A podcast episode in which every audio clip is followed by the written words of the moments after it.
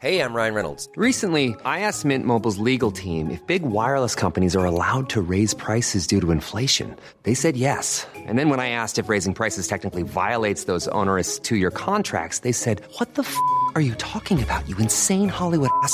F- So to recap, we're cutting the price of Mint Unlimited from $30 a month to just $15 a month. Give it a try at mintmobile.com slash switch. $45 upfront for three months plus taxes and fees. Promo rate for new customers for limited time. Unlimited more than 40 gigabytes per month. Slows. Full terms at mintmobile.com.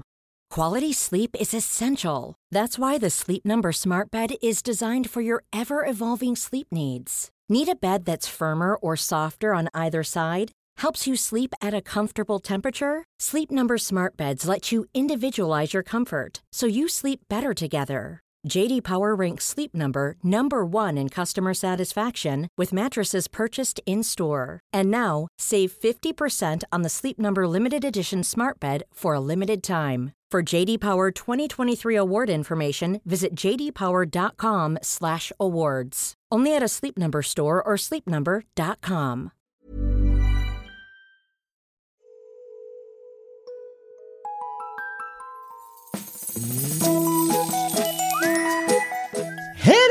Hello kids och välkomna tillbaka till podcasten Mina vännerboken. Det kommer bli lite tjat om turné här ett tag framöver, men har man redan köpt biljett, ja, då har man eh, den eh, fria lyckan att eh, trycka på framåtpilen eh, två gånger. Kom och kolla på kul och var här. Jag kommer till nio städer i Sverige, varav alla råkar vara just min favoritstad. Skynda innan det tar slut och skynda ännu mer om du är Patreon då rabattkoden till er löper ut nu på söndag. Den finns på Patreon-sidan. Gå in där om du missat det. Biljetterna finns ju på www.stauppbolaget.se. Länk finns i den här avsnittets eh, beskrivning. Jag är ledsen hörni att det inte har blivit något avsnitt eh, på senaste tid. Ehm, det, har- ja, det har varit corona och sån skit, men nu, nu är pandemin över vad jag har förstått, så det blir skönt. Men veckans gäst, älskade, älskade ni, är poet och författare. Jag minns att jag såg honom på tv när jag var liten och blev helt ställd. Det var så coolt. Så sen gick jag till eh, bibblan, minns jag, och lånade hans eh, böcker, eller bok kanske, det var nog så tidigt på den tiden. Och hade jag varit lite smartare och haft bättre attention span så tror jag att jag hade orkat fortsätta vara intresserad av poesi. Men det föll bort lite. Sen har, man, sen har jag hört hans namn hela eh, tiden såklart. Han har ju varit känd hur länge som helst. Jag såg honom gästa Petter på en scen en gång och för ett halvår sedan ungefär så hörde jag att hans nya musiksatsning Daniel Forever skulle öppna för Amazon på deras turné. Amazon som jag älskar. Då kollade jag upp dem och då blev jag återigen sådär ställd. Helt, helt ställd. Jag, jag, jag blir så när jag gillar saker. Jag måste, måste visa det för andra. Jag är en tipsare. Jag spelade upp dem för Elin, min tjej, och det var dumt gjort, för hon satt och sminkade sig då, så tårarna pajade hela den processen. Så då fick jag tipsa andra, jag fick tipsa för kompisar och familj istället. Skitsamma, han är otrolig. Podden klipps som vanligt av Alex på Silverdrake förlag. Glöm inte att bli Patreon förresten, för där ligger ett bonusavsnitt med dagens gäst. Vem är det då, undrar ni? Jo, så här är det. 208 sidan i Mina vännerboken Daniel Boyaxioglu.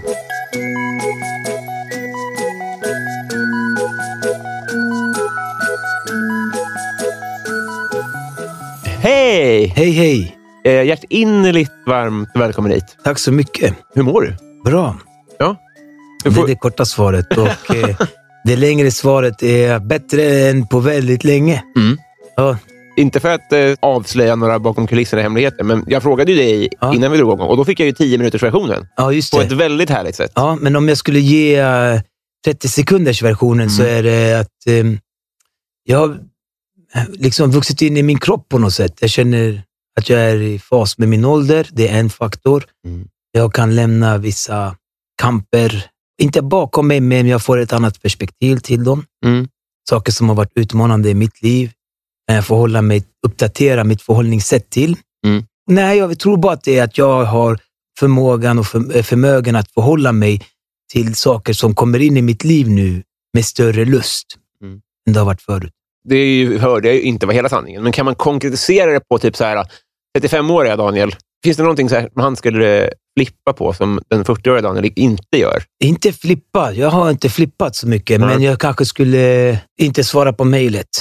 Eller inte komma på festen. Mm. Eller eh, avstå någonting. Eller om jag tycker du är en pungkula, då Mm. skulle jag eh, kolla på ett visst sätt när du pratar med mig eller skratta på ett visst sätt eller inte skratta. Mm. Kolla bort vid precis rätt tillfälle. Vara på min vakt på ett annat sätt Ja. Mot eh, olika typer. Och det finns ju, det vet ju du också, typer Mm. i vår bransch liksom, som man har åsikter om. Nu kan du ha garden nere på ett annat sätt. Då. Nej, men nu jag är som jag är jag. Mm. Det är, jag behöver inte markera mot dem. Nej. Vem jag är är tydligt. Mm. Det har varit i 20 år. Ja. Tydligare än så här blir det inte. Nej. Och också när man blir 40, du får ett facit. Det som har funkat har funkat och det som inte har funkat har inte funkat. Du kan kolla på ditt liv, så här, och de här principerna, de här ställningstagandena, de här idéerna som du har haft. Vilka funkade? Vilka funkade inte? En hel del funkade inte. Det gjorde inte ditt liv bättre. Du mådde inte bra allt vad det var. Och det du ville skulle hända, hände inte. Så då måste, du har nu chans. Du har eh, 20 år till om Gud vill framför dig. Och efter det kan du ju kolla igen. Vad funkade och vad funkade inte? Nu har jag varit vuxen i 20 år. Så det kan jag kolla på och säga, Daniel, hur vill du att de här 20 åren som väntar dig ska vara? De senaste 20 åren har du också, mer såklart, men har, eh, inte på scen kanske, men du har varit semi-offentlig åtminstone i 20 år. Ja, Och jag har hört dig prata ganska mycket om den ensamheten. Att Ja. Du har varit ensam i en bransch. Du har rest ensam, du har stått på scen ensam, du har fått sköta pappersarbetet själv. Och, alltså, du har varit Ja. en, en ensam eh, Människa. arbetare. Ja, men, men, och med det. men, ja, eh, ganska mycket ensamhet eh, liksom i min konstitution. Mm. Men också i det, där vet man inte hönan eller ägget, var det börjar. Nej. Jag kommer från en familj, jag har eh, tre syskon. Jag har mycket fina vänner. Jag är inte ensam så och jag får jättemycket fint stöd. Jag hade nog inte klarat mig så långt utan eh, den eh, massiva kärleken som omger mig i min närhet. Det vill jag också framhålla. Men jobbet är ensamt. Det är mycket sitta själv och skriva och uppdragen är ofta att man utför dem själv. Som man jämför med till exempel som nu, jag har det här bandet som jag jobbar med. Mm. Då är vi ju tillsammans. Det är ju något annat, verkligen. Ja, för jag undrar, gör det dig till en sämre gruppmedlem? Ja, Mm. absolut. Det måste jag vakta hela tiden. Alltså jag har inte den sociala träningen som de flesta har. Den professionellt sociala träningen. Nej. De flesta som har något jobb, de, då, där finns det ju folk som de inte gillar Mm. på, på jobbet. Mm. Jag har ju inte det. Jag har ju valt mina sammanhang själv i 20 år. Och om det var något, man gjorde något jobb, man jobbade på en teater åtta månader, det var någon typ där, ja men det är åtta månader. Sen är det klart, jag kommer aldrig jobba med den personen igen. Glöm och dröm resten av livet. Så då får man inte det här som alla andra får, träningen att säga, ja men han är sån, hon är sån. Mm. Varför det? Jag är inte så. Du vet, varför ska jag acceptera? Min grej blir en annan grej. Och det, den kan vara bra till vissa saker, men den blir begränsande i just det så här professionellt sociala. Vad har du lärt dig då? Så här långt? Av den grejen, Ja. alltså Kan man tänka så enkelt att du har fått läxor i grupparbete? Typ? jag vet inte, lärt mig eller inte lärt mig, men det har ju påverkat, hur det har format mig kan jag säga så här. Några saker som jag firar ur det här, det är att jag känner mig alliansfri. Mm. Jag måste inte typ gå på någons teaterföreställning som jag tycker är bajs Mm. och låtsas tycka om det. Mm. Jag har inga krav så. Förlåt, nu syftar du på de, alla de ensamma åren, va? Nej, nu syftar jag på vem jag har blivit av de ensamma åren. Ja, de ens, inte, Ja. inte, av den nya grupp, inte av att nu Nej. jobba i grupp. Just Nej, det, men då nej. förstår jag. bara, Ja, ja, det låter ju- jag förstår. Mm. Det är ganska soft faktiskt. Mm. Att man inte behöver smöra för folk som man inte vill. Mm. Eller låtsas tycka om någon så bok som har kommit. Fast, den inte, fast man inte gör det. Nej. Det tycker jag är skönt. Mm. Ja, en annan konsekvens det är typ, jag väljer hellre att hänga med en barndomsvän, eller en brottare, eller en brandman, än en poet. Mm. Fast det är intressant för mig att hänga med poeter, egentligen. Mm. Det är bara att jag inte gör det. Ja. Jag vill stå fri. Det påverkar ju mig också att eh, vissa samtal som är intressanta för mig, Mm. de kan jag ju inte ha så ofta. Nej.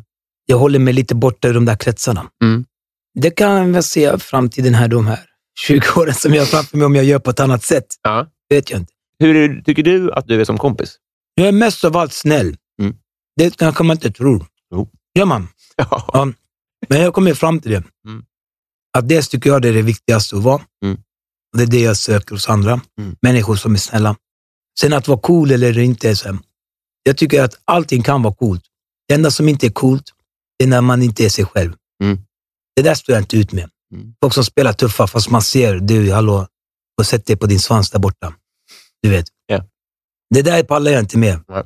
Folk som kör mycket spel och de försöker imponera fast jag inte har påkallat det. Det pallar jag inte. Och så här, folk som ska snacka överdrivet mycket om sånt som inte jag kan delta i. Mm. Sina segelbåtar och vad det kan vara. Då kommer jag inte bli så bra vän med. Nej. Jag kan tänka mig nästan vem som helst, förutom eh, om man står långt bort ifrån mig politiskt, Mm. att vara vän med. Men de ska vara snälla och de ska vara sig själva. Mm. Och om jag skulle ge dig en recension så här långt så tycker jag också att det går bra. Skönt att höra. Ja. ja, men vad, det låter ju svinbra. Jag skrev ju till dig att vi grät hemma Ja, åt eh, Song för Sanji. ja, Jag har ingen riktig fråga. Kan vi inte prata om den låten bara? Det, jag, Ja, jag har inte känt så för en låt på så fruktansvärt länge. tack. Vet du det är fint att se dig Jag vet om det är skit de gett dig Vet du ta tid och res dig Bli den du kan bli Yeah yeah Vet du det är fint att se dig Fast du gått ner dig Mitt hjärta det blir som bly Alltså, du har ju också släppt låten nu med Daniel Forever som handlar om eh, din kusin som Ja. blev avrättad, i alla fall skjuten. Ja.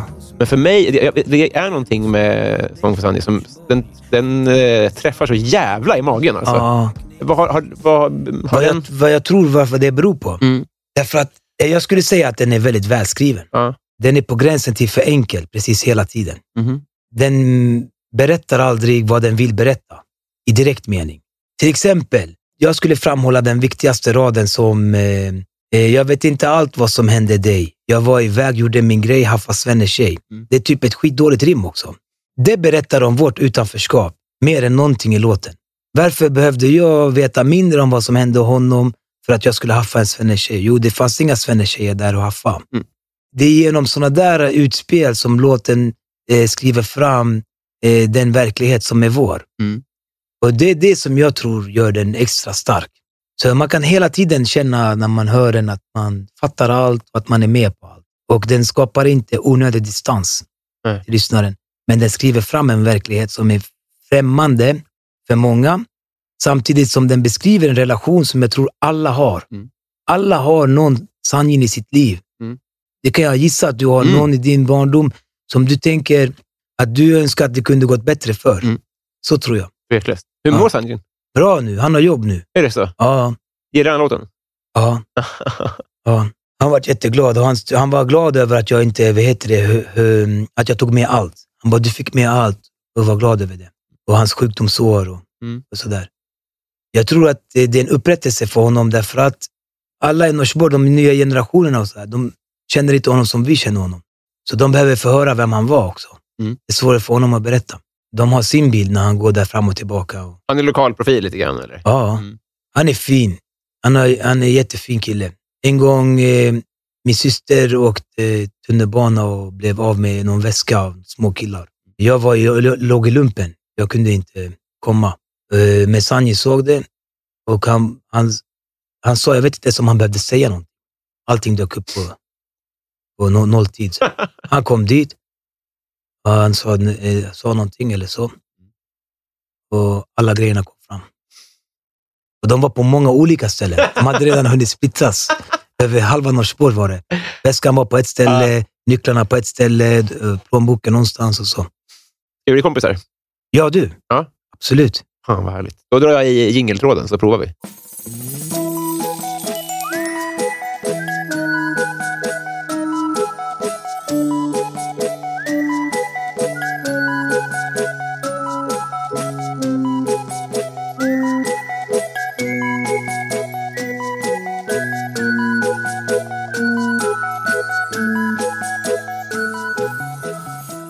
Daniel, Ja. när känner du dig fin? På lite olika sätt. Jag kan vara fin för att jag har varit snäll mot dem. Mm. Och rar. Och typ gett bra råd när någon är, har gjort slut med sin kille eller tjej eller, mm, eller någon är ledsen eller så. Mm. Eller någon är frustrerad och man, man är fin. Så kan jag vara fin när jag klär upp mig. Mm. Det gillar jag att göra. Välja noga slips till kragen. Liksom inte bara välja en färg på slipsen, utan vad är det för krage jag har på skjortan och vad är det, hur blir knuten? Vad ska jag ha för knut? Vad ska jag ha för skor till? Mm. Vad har jag för näsduk till? Väljer jag bort slipsen till fördel för en scarf Mm. eller en pastrong? Vad är det? Eh, det som ehm, man stoppar innanför skjortan. Ah, det är pastrong. Ja. Bra ord att kunna. Ja. Det kallar, man kallar det slarvigt för något annat, men det heter pastrong. Mm. Det är som en scarf, men den är redan vikt på ett sätt. Mm. Den ska ge lite mer fluff. Ja, det, man säger typ, vissa säger kravatt tror jag, men det är fel. Ah, ja, det är någonting annat. Ja, ja. Just det. Eh, För du, du är ju aldrig... eh, Du är ju alltid stilig. Precis. Ja. Visst är det så? Ofta. Alltså jag kommer från en familj där det är viktigt. Mm. Och sen för, generellt för syrianer, de, de brukar vårda sitt utseende, Mm. sitt yttre. Mm. Det är en viktig grej. Mm. Men sen min morfar var skräddare och Är det sant? vissa av hans barn, min mamma och några av mina mostrar och morbröder blev, fick ärva den där absoluta känslan för stil. Mm. Så för mamma är det viktigt att vi är välklädda. Mm. Och har alltid varit. Även när vi var fattiga, vi köpte bara fina kläder. Mm. Men vi väntade till rean. Så. så jag fick lära mig allt om eh, stil och eh, kvaliteter på tyger och eh, allt vad det kan vara av Mm. henne. Även när jag var liksom mer ledigt klädd Mm. var det uttänkt. Så det kommer från henne och, och, och i, i förlängningen från morfar. Mm. Men min pappa tyckte också om att klä upp sig. Han var noga med vilka slipsar han köpte och sådär. Mm. Så det var på båda sidor. När var du med i tv första gången? Jag tror att det var... På den tiden hade alla program så här uh, snabba namn. Ramp eller Reko eller något sånt där. Mm.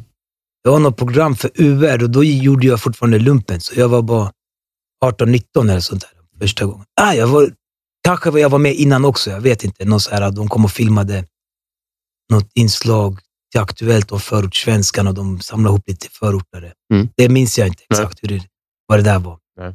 Men när, i egenskap av poet, när då började, det började för mig ganska tidigt alltihopa. Mm.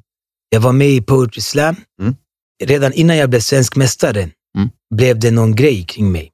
Mm. Så jag var med lite i tidningen, jag var med lite i, i tv. Kom ihåg att min Fenrik, vi var ute i fält, han liksom ropade ut mig ur tältet. Mm. Korpral Bojas Joglo. Um, och så tänkte jag att jag hade gjort något fel. Så jag blev lite nervös och då var det att han ville berätta att han hade läst någon intervju och att det var bra. Är det sant? Ja. Vad fint. Vad gjorde du i lumpen som korpral inom... Nej, jag var ju skyttegruppchef. Ah, Jag var, jag var infanterist på eh, mekaniserat skytteförband som det heter. Så det var lite pansar, Ja. förmåga och lite kanonmat. Ja. Många dör samtidigt. Ja. Viktig uppgift. Ja. Det var 15 månader, eller 11? Eller? Nej, ett år. Ett år. Ja. Men var, var var det någonstans? Vi var i Kungsängen Mm. och sen var vi runt lite. Mm. På Gotland och i Norrland. Och skulle testa sig lite. Vi var mycket i fält. Mm. Det var så. Det känns som att eh, du hade välputsade skor. Ja, det hade man ju. Mm. Eh, det skulle man ju. Det var ju har du gjort lumpen? Mm. Ja, det var ju varje morgon de kollade. Mm. Men man, jag brukade göra det natten innan. Mm. Allting, så det var klart. Och raka mig också natten Mm. så man, och sen hade jag, jag skrev varannan natt. Varannan. Ja, Mm. och sov igen varannan. Det var så det började. På riktigt. Ja, det var där faktiskt jag la grunden för min poesi. Sen, på kvällsmålet, eller fikat det där som man gick och hämtade mackor, eller käkade mackor, då tog jag dubbel uppsättning av allt. Mm. Så smugglade jag ut det och sen hade jag, det var höst, jag hade en påse så hade ett snöre, jag hängde ut ur fönstret. Mhm. Det här äh, mackan och smöret och osten. Ja. Över natten så det, det var som ett kylskåp. Så kunde jag, den natten jag skrev, vakna senare. Ja. Skorna var putsade, jag var rakad. Bädda, jag kunde bädda på typ 30 sekunder. Och sen smällde jag i mig de där mackorna Ja. och så gick jag direkt till uppställningen. Ja. Så det tog, jag kunde vakna fem i. Ja. Och så jag gjorde så varannan natt. Och så, Ja, vilken show ändå! ja, ja, Hela rutinen på fem minuter. ja. Nej, men jag var lite soldat liksom, hela vägen i- med poesin. Ja. Jag var en nykterist, jag drack inte för jag ville inte förlora tid. På. Nej. Jag dejtade inte så mycket, eller knappt någonting. Nej. Jag tyckte det var viktigt nu att jag skulle lägga allt mitt fokus på att skriva. Ja. Kom ihåg ett och ofta så här, kompisarna var samlade och när klockan blev elva, kvart över elva, då sa jag tack för mig. Så här. Ja. Alla- Var kommer det drivet ifrån? Jag vet, alltså för, ja, men så, jag var, vi var ju utsatta, du vet. Jag kände jag fick en chans här i livet. Mm. Jag kommer inte från några bra förhållanden. På ett sätt kommer jag från toppen förhållanden. Mm. Alltså min mamma sjöng för mig varje dag jag kom hem från skolan. Mm. Det är klart att jag har bäst förutsättningar i Sverige att bli poet. Mm. Så det är en sida. Men, andra, men en annan sida var att var, man kände sig utanför samhället, det där generella förortsgrejen. Jag hade fått mycket stryk. Vi var fattiga Mm. och sådana här saker. Liksom så, det var mycket ansvar på mig kände jag. Mm. Att om jag ska göra någonting utanför en säker väg att gå, en säker karriärsväg, Mm. då måste jag verkligen lyckas. Mm. Så jag, jag gick all in med det där. Då. Kanske också för att jag är man, Mm. kanske också för att jag var kampsportare. Mm. Så kun, var jag fostrad till att förstå mig själv Mm. på det sättet att så här, vill jag göra det här så ska jag det. Och då kan jag det, men det krävs det här av mig. Så det blev så. För om, det är sällan man hör någon som har lagt den dedikationen i någonting. Ja, Alltså att man offrar, som du säger, dejtande och i det här festande och alkohol och sådär. ja. Alltså, om du hade lagt... Men alla de här som typ, om, du kan inte jämföra mig med andra poeter och sådär. nej, men hockeyproffs kanske? Exakt. Ja. Han den här uh, van der Poel som vann Mm. OS nu, Mm. han gör ju så. Mm. Han, har, han säger, jag vet vad jag vill vara om fyra år Mm. eh, och därför kan jag träna så här mycket. Ja. Men jag kommer inte göra det efter det. Nej. Eh, man lyssnar på honom. Jag, nu, poesi, det finns inget OS-guld. Det är den enda skillnaden. Mm. Det är ingen som kommer... Det, det finns inte ens en träningsanläggning, det finns ingen coach. Nej. Allt det där måste du hitta på själv varje morgon. Ja. Så det är en, en del av utmaningen. Mm. Men annars, det är samma. Eh, så som de gör för att bli bäst i världen, Mm. det, finns, det finns ingen mysterium. Nej. Det är antal timmar. Exakt. Men för det där är min tanke också. Att jag tror att Zlatan hade kunnat vara världens bästa mäklare. Ja. Om han hade, lagt, om han hade bara placerat... Jag, jag, lite är det såklart fysik och att man föds med Ja, lite ja, genetik. Men Ja. jag tror fortfarande att det, den stora delen är antalet timmar. Har du lekt med tanken om du hade lagt dem på någonting annat? Ja, massor med gånger. Alltså, om det inte vore för att jag mötte stort motstånd, som jag själv upplevde Mm. med poesin. Jag hade gjort poesi några år, sen hade jag kanske blivit programledare eller något annat skoj. Eller, eller typ startat någon så här, um, byrå ihop med lite folk. och så här, du vet. Mm. Men jag hade kommit till en lite mer uh, schysst. Mm. Så här, uh, jag var lite mer vanlig, alltså att jag kom in och blev lite mer vanligt betraktad. Mm. Men jag inte kände att jag var så här udda Mm. fågel och behövde kämpa för min plats och bana väg för ny poesi. Mm. Om det var mer självklart att allt det här, ja men visst, välkomna allihopa. Mm. Då hade jag inte varit poet. Så. Jag hade fortsatt skriva och gett ut någon bok här och var. Ja. Men, eh, men jag hade tagit mig an lite roligare än andra saker. Nu blev det att jag blev, eh, liksom, det var kamp. Jag kunde inte släppa kampen. Nej. Det var min plikt, det var min roll. Ja. Så jag skulle gå hela vägen. Ja. Så blev det bara djupare och djupare och ju mer du slåss för någonting, ju, min, ju mindre benägen är du att ge upp. ja. Så det blev så. Men Nils van der Poel, om vi tar, han pratar ju så att han ska ju lägga av nu. Ja, Har du sett något, har du sett något slutdatum? nu, nej, jag är, nu, det, jag är dömd på livstid till det här. det finns inget Det är slut. så? Ja, ja. Mm. Nu, jag, det här, om jag kan må bättre Ja. i den här, om jag kan få hålla mig ledigare till kampen, Ja. om jag också kan bli en bra make och pappa ja. fastän jag kämpar. En whisky kanske? Ja, Hypotetiskt. slappna av lite. Så Mm. här. Om jag kan det, Mm. det är bra. Ja. Men kampen går före. Det är så? Ja. Mm.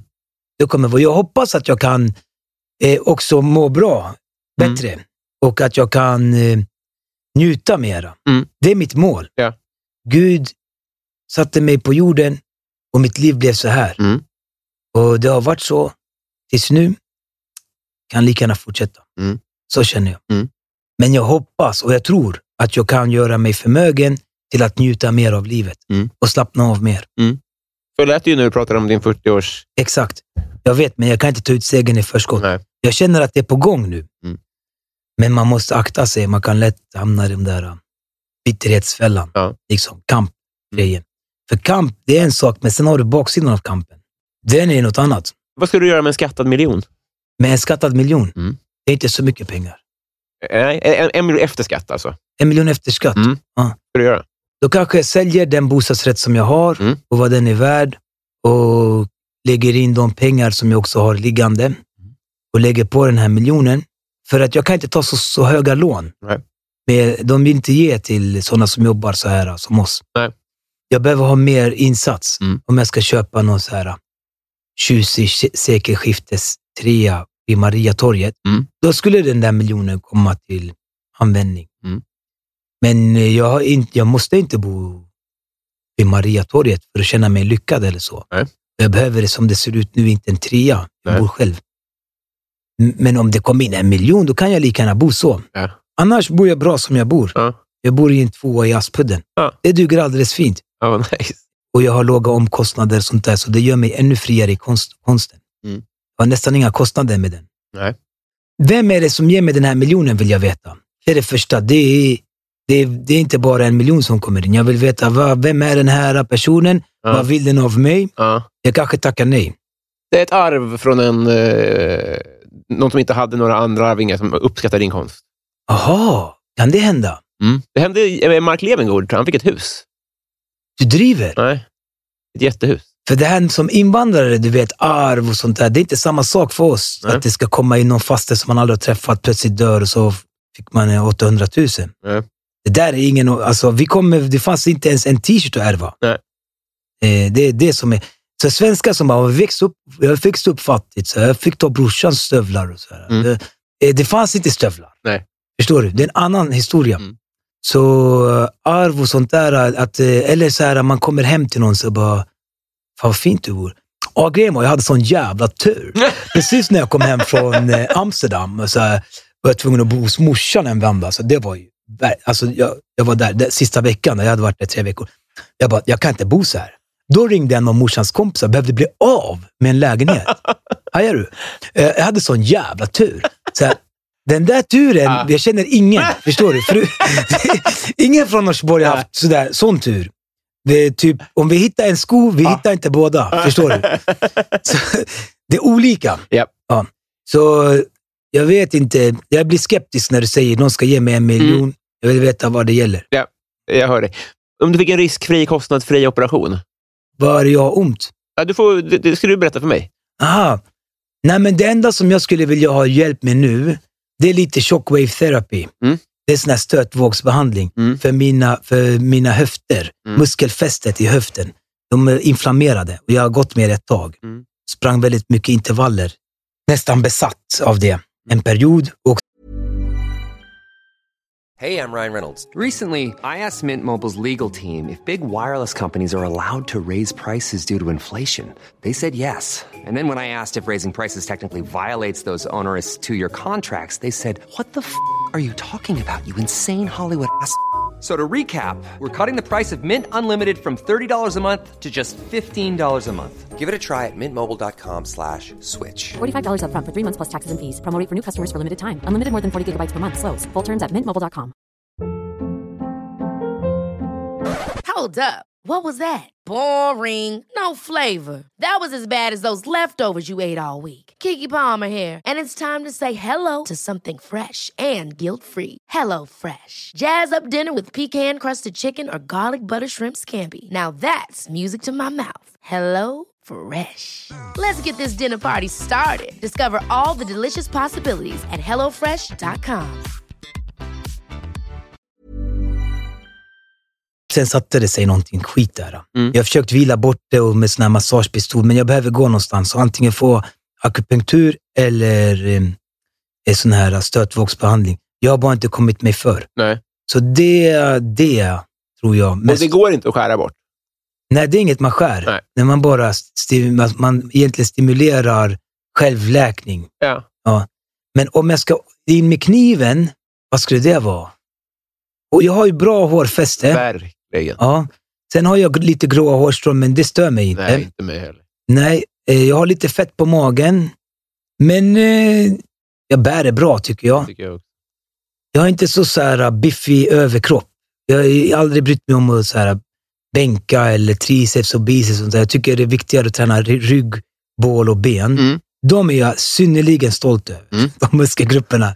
Känner mig jättestark. Ja. Ja. Så om man skulle operera på mig, min näsa gillar jag. Ja, men jag känner mig faktiskt bra som jag är. Ja. Men ta stötvågor, det är ju kanon. Ja, Du kan springa intervaller. exakt. Det vore kanon. Ja. Partytrick. Partytrick.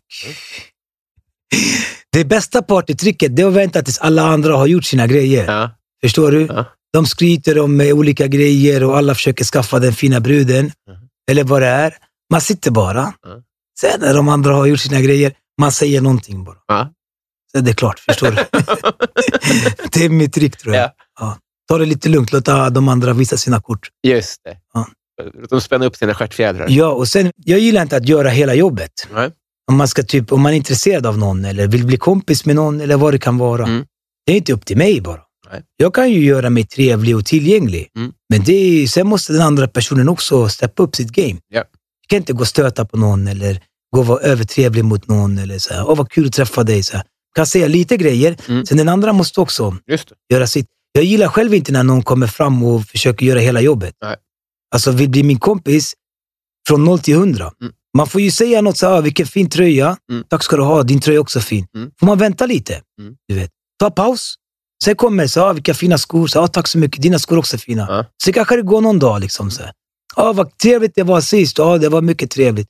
Kan inte gå direkt så här, oh, ja, ah, du är så himla härlig, jag skulle vilja känna dig. Alltså, Det blir bara, det är inte så det går till Nej. tycker jag. Jag blir bara eh, stressad av det där. Ja. Så jag gör inte så. Coolaste följare? Min morsa,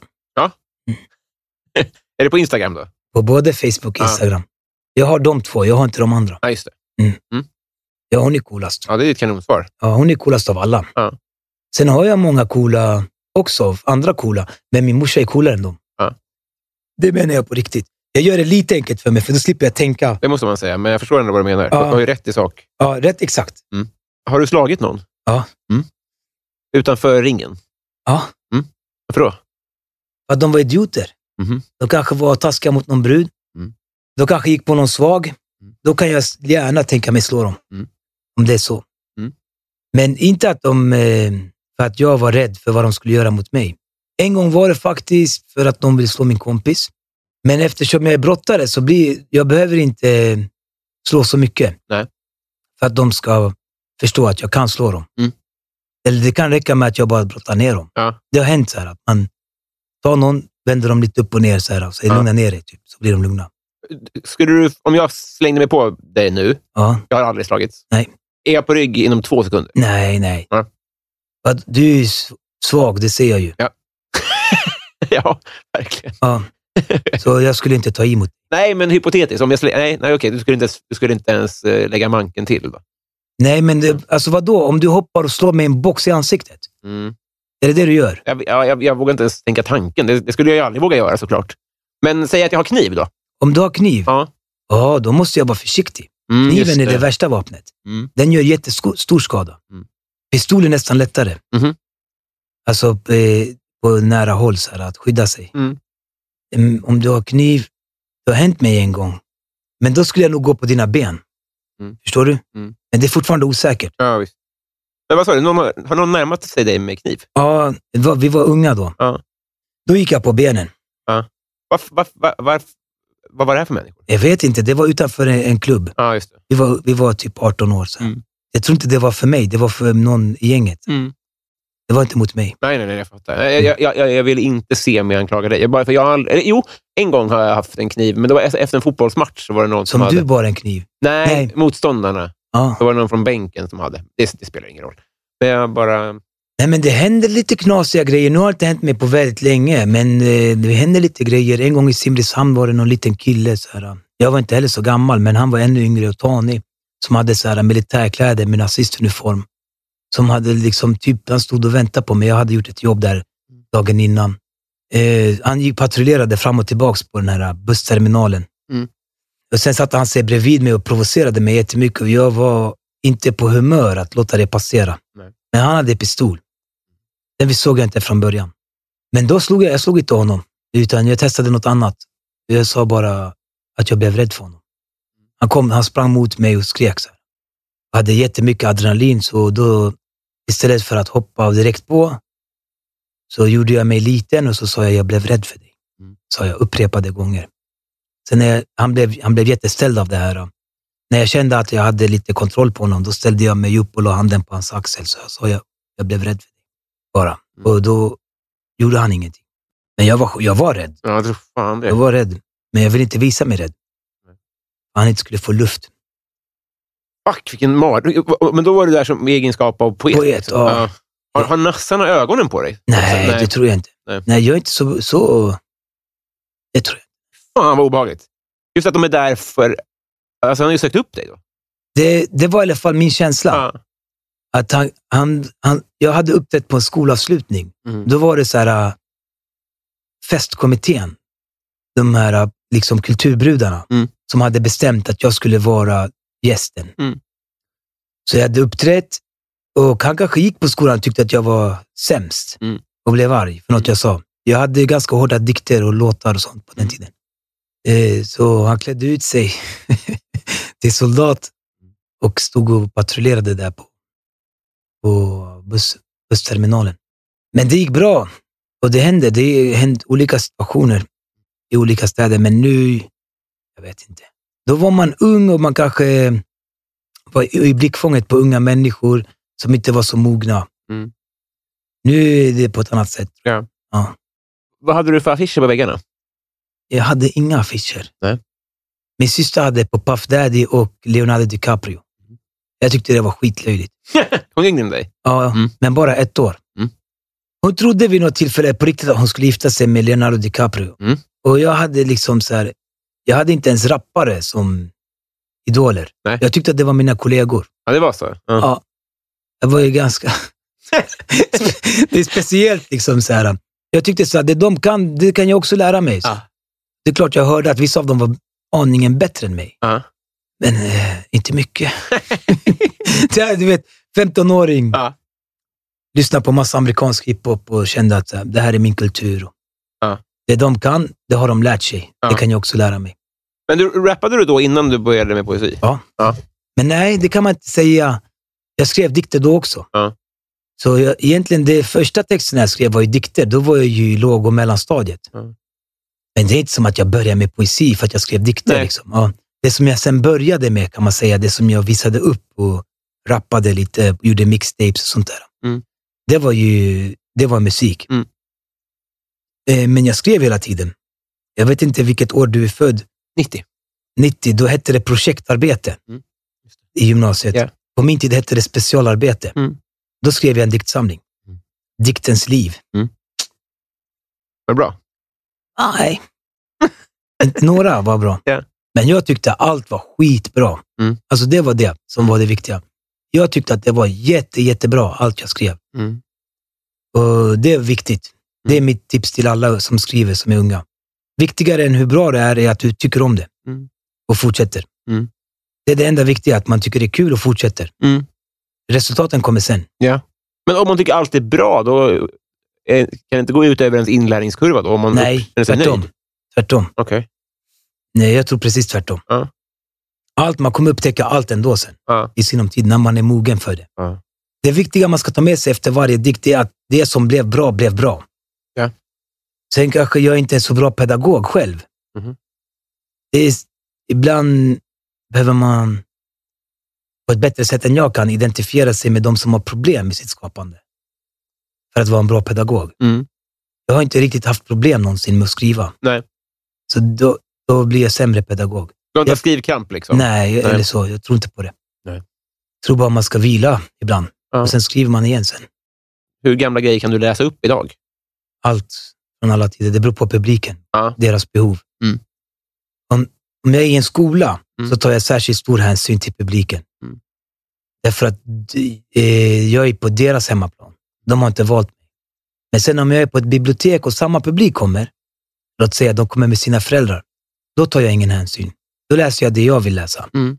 Men om jag går till en skola, då är det inte min läsning, det är deras upplevelse Mm. som är det jag ska åstadkomma. Mm. Då läser jag det som passar dem. Det beror på vad det är för publik. Mm. Då kan jag läsa från första boken. Ja. Inga problem. Nej. Allt är bra. Det är bara olika. Har du varit i Rom med alpin? Ja, ah, Romme skidbacke. Ja. Ja. då. Nice. Var du där med skolan? Jag älskar att åka skidor. Du är det? Ja. Är det, är det, är det en, en, en hobby fortfarande? Det kan jag nog inte säga därför att jag gör inte så ofta. Nej. Men om någon skulle säga så här, Daniel, fan vi ska hyra stuga, ska du med? Mm. Spik, jag med. Fan, vad härligt. Ja. Redan dina höfter bara, men det har vi opererat bort. Är Nej, men jag tror inte att det är de rörelserna. kanske inte det. Nej. Eh, Jag tror att det är helt lugnt. Ja. Eh, Det är bara löpningen som är problem nu, Ja. som jag saknar. Mm. Men igår kan jag gå långa sträckor utan att bli stel. Mm. Eh, eller få ont. Men när jag springer så får jag ont sen dagen efter. Mm. Så det undviker jag just nu, men allt annat funkar. Jag kommer fram till Patreon-frågorna. Så nu är det lyssnarnas frågor. Från nu. Ja. Eh, Rulla jingel. Patreon. Eh, Vi börjar då, eh, Daniel, med Love Öjen. Han undrar, om du kunde kommunicera med alla djur, vilket tror du att du skulle komma bäst överens med?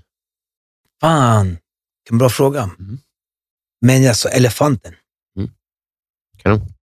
Mikael Wester vill att du berättar om en tonårsförälskelse. Eva. Jag började gymnasiet. Det var första gången som någon gjorde något så här, så här schysst, Mm. som jag tyckte. Så. typ då, hon, och jag skickade en lapp. Det var en mattelektion. Jag satt längst fram. Jag gillar matte. Mm. Vi gick natur. Eh, Jag tyckte ju att ofta så stått läraren till mig, fast det inte var jag. Mm. Man räknar med att det var jag som hade pratat eller någonting. Mm.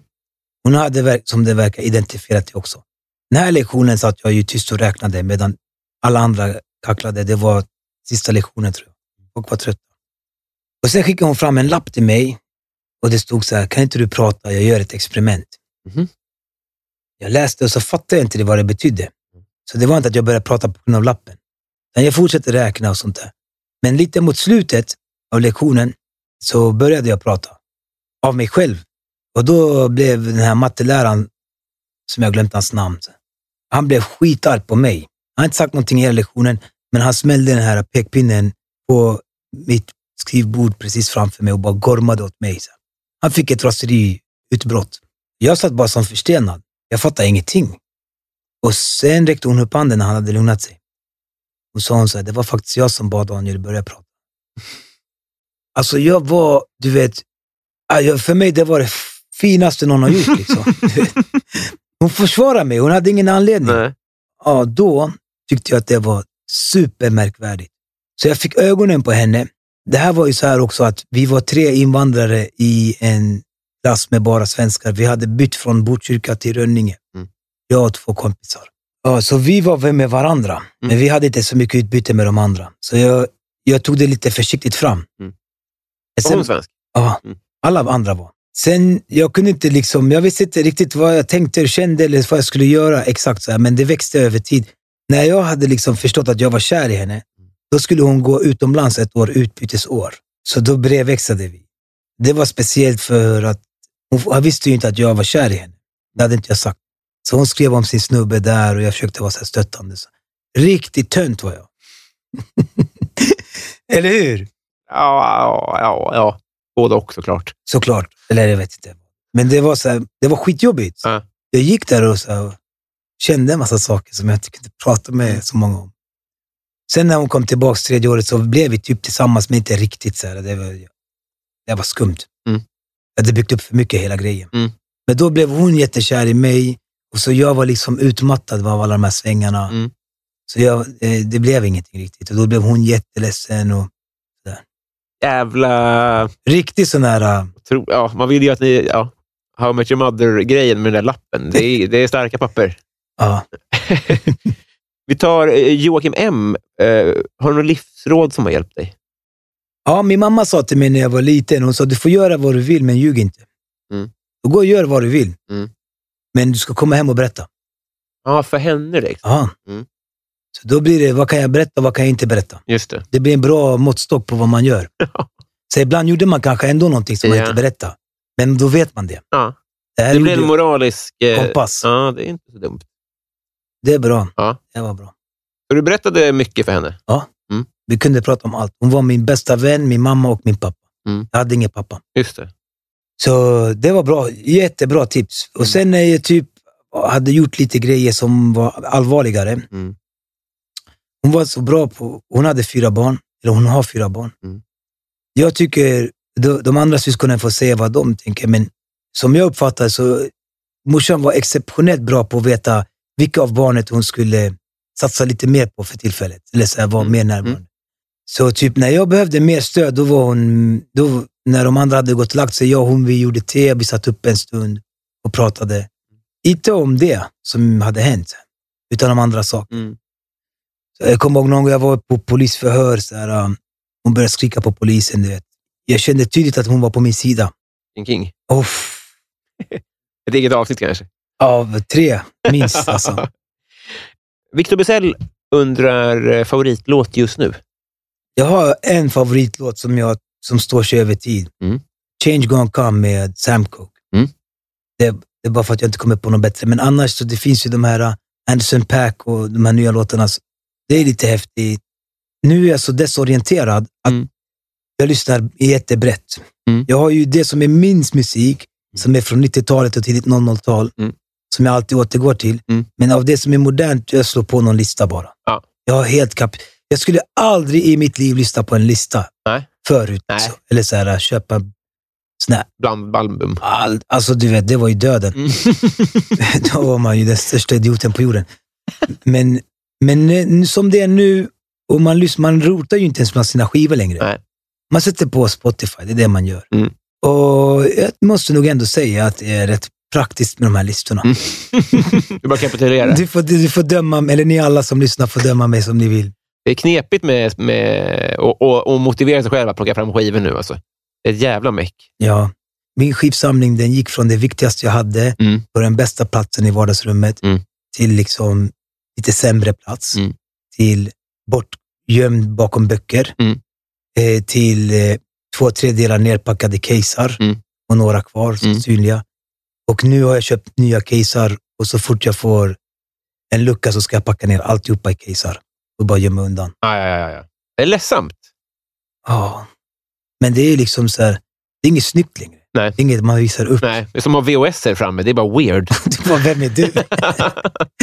Trångt. Men VHS är ännu värre, för de tar ju skitmycket plats också. Men du skulle säga, jag gav bort, men jag hade en jättegedigen DVD-samling. Mm. Verkligen alltså. Mycket smal film och mycket bred, alltså allt. Mm. Sen var det en kompis som är en samlare. Mm. En riktig jävla samlare. Hon fyllde 40 eller något sånt Mm. för något år sedan. Jag gav henne hela min DVD-samling. Mm. Det liksom var två kartonger. Hon blev så jävla glad. Ja. Fan vad härligt. Ja, för mig också. Ja. bli av med. Riktig win-win. Ja. Ann Södertörn, hon Mm. undrar varför blir du dumpad? Vem har sagt att? Jag blir dum. Vem har sagt dö? Ja, det är vår researcher här. Aha. Jag menar allmänt, om jag blir dumpad, Mm. varför? Ja, men jag är inte 100% lätt att leva med. Ja, på vissa sätt är jag ju lätt att leva med för jag är omtänksam och snäll och så, men jag, är lite, jag har mina grejer. Så här. Behöver min space. Jag tror att det kan vara skumt, för att å ena sidan kan jag vara jättenärvarande och kärleksfull och lyssna och verkligen vara med. Så. Mm. Och sen försvinner jag när jag ska skriva liksom, in i min bubbla. Kolla, det finns ju vissa kategorier som så här, starka profiler. Mm. Det är inte så lätt att vara med dem. Mm. Om du, också om du tänker dig en, en tjej så här, som du tycker hon är briljant, hon är fantastisk och hon är värsta stjärnan och allting. Mm. Men du ska gå bredvid henne, då ska du också hävda dig som stjärna bredvid henne. Mm. Förstår du? Så det är inte alla som kan det. Nej. Nu jag säger inte att jag är så som jag beskrev den här tjejen, men det kan ju vara att någon upplever det så. Mm. Att det blir tufft att gå bredvid mig. Mm. För jag är så självklar. Ja. Och vissa saker är självklara för mig. Ja. Och jag kan vara dogmatisk. Och jag kan döma min samtid hårt. Mm. Jag kan döma mina kollegor hårt. Det är ju inte jättenice Nej. hela tiden. Ja. De här lumpennätterna när du skrev. Ja. Hur skriver du nu? Nu skriver jag antingen på uppdrag Ja. eller när jag får lust bara. Ja. Och i perioder hela tiden. Ja. Nu är jag i en period där jag skriver varje dag. Och det är bara på lust. Var? Hemma. Du sitter hemma vid skrivbordet? Ja, inte skrivbordet. Men skrivbord, det är värsta sophögen. Alltså. Bara, allt ligger där. Mm. Men ibland om jag ska skriva till exempel en pjäs, Mm. då rensar jag upp där och så fixar jag så att det blir trivsamt. Mm. Sen måste jag sitta mera fokuserat. Mm. Men när jag skriver sånger eller dikter, det kan jag sk- skriva i sängen, eller soffan eller tåget eller när som helst. Mm. Det, det är nästan bättre tycker jag. Ja. Än att gå och sitta vid ett skrivbord och tända en skrivbordslampa och bara, nu ska jag skriva. Okej. Det där är mer för större massa text Ja. och redigering. Ja, ja, ja. När jag ska redigera en bok, eller ett manus eller någonting. Mm.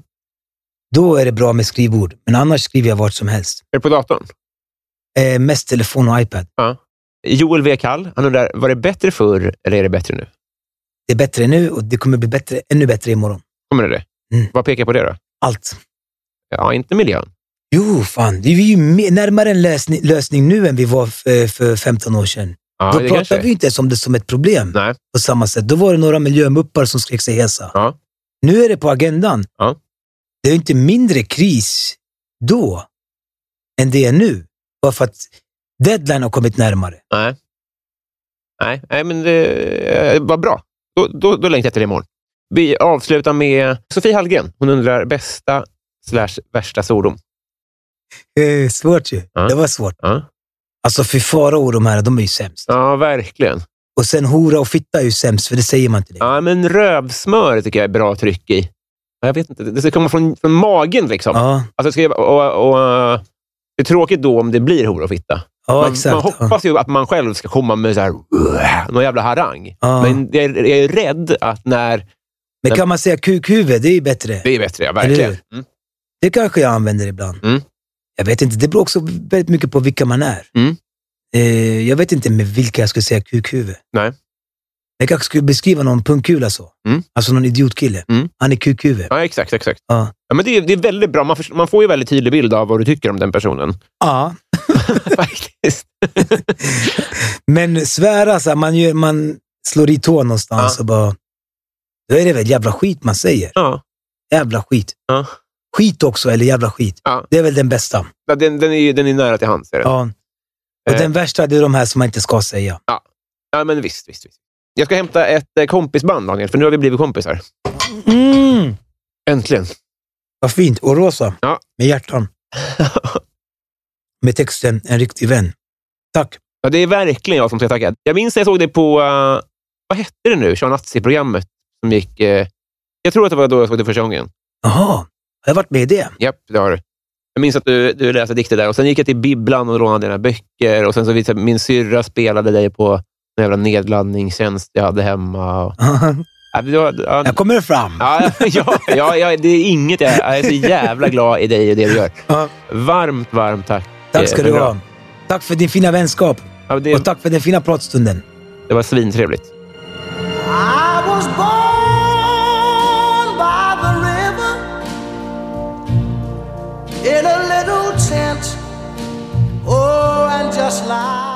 Hallå gänget! Det var det avsnittet det. Det var väl vansinnigt trevligt, så säg. Ni som hängt med ett tag, ni vet att det är dags för Bysell-segmentet. Det är under den här flaggen som vi hyllar de som hyllas bör. Och de vi hyllar är de som har varit fullödiga 50 kronors patrons eller mer i tre månader eller mer. Pass på. Viktor Bäckåsen. Simon Borgemo. Robert Olsson. Anders Westlund. Oskar Friberg. Chris Twisted. Henrik Isaksson. Cecilia Isaksson. Joel Hellström. Superhamster. Karl Martin Polnov. Den enda Tyra du behöver. Henrik Persson. Daniel Enander. Marcus Åhl. Stadens kafferosteri. Marcus. Per Hultman Boye. Filip Hagels. Resus Minus. Kristoffer Esping. Mikael Konradsson. Emil Karlsson Heurlen. Thomson Lindqvist. Tobias Olsson. Pauline Kullberg. Emma Palmqvist. Twisted Christer. Erik Fröderberg. Martin Lundberg. Love Öjen. David Wallhult. Viktor Busell. Andreas Eriksson. Jonas Udén. Joel W. Kall. Mange B. Fredrik Gräddan Gustafsson. Julia Helén. Mikael Wester. Fredrik Ung. Johan Dykhoff. Bara Dykhoff. Peter Axling. Daniel Melin. Mitt fel och podcasten Värvet. Älskar er. Tack för idag. Puss. Oh,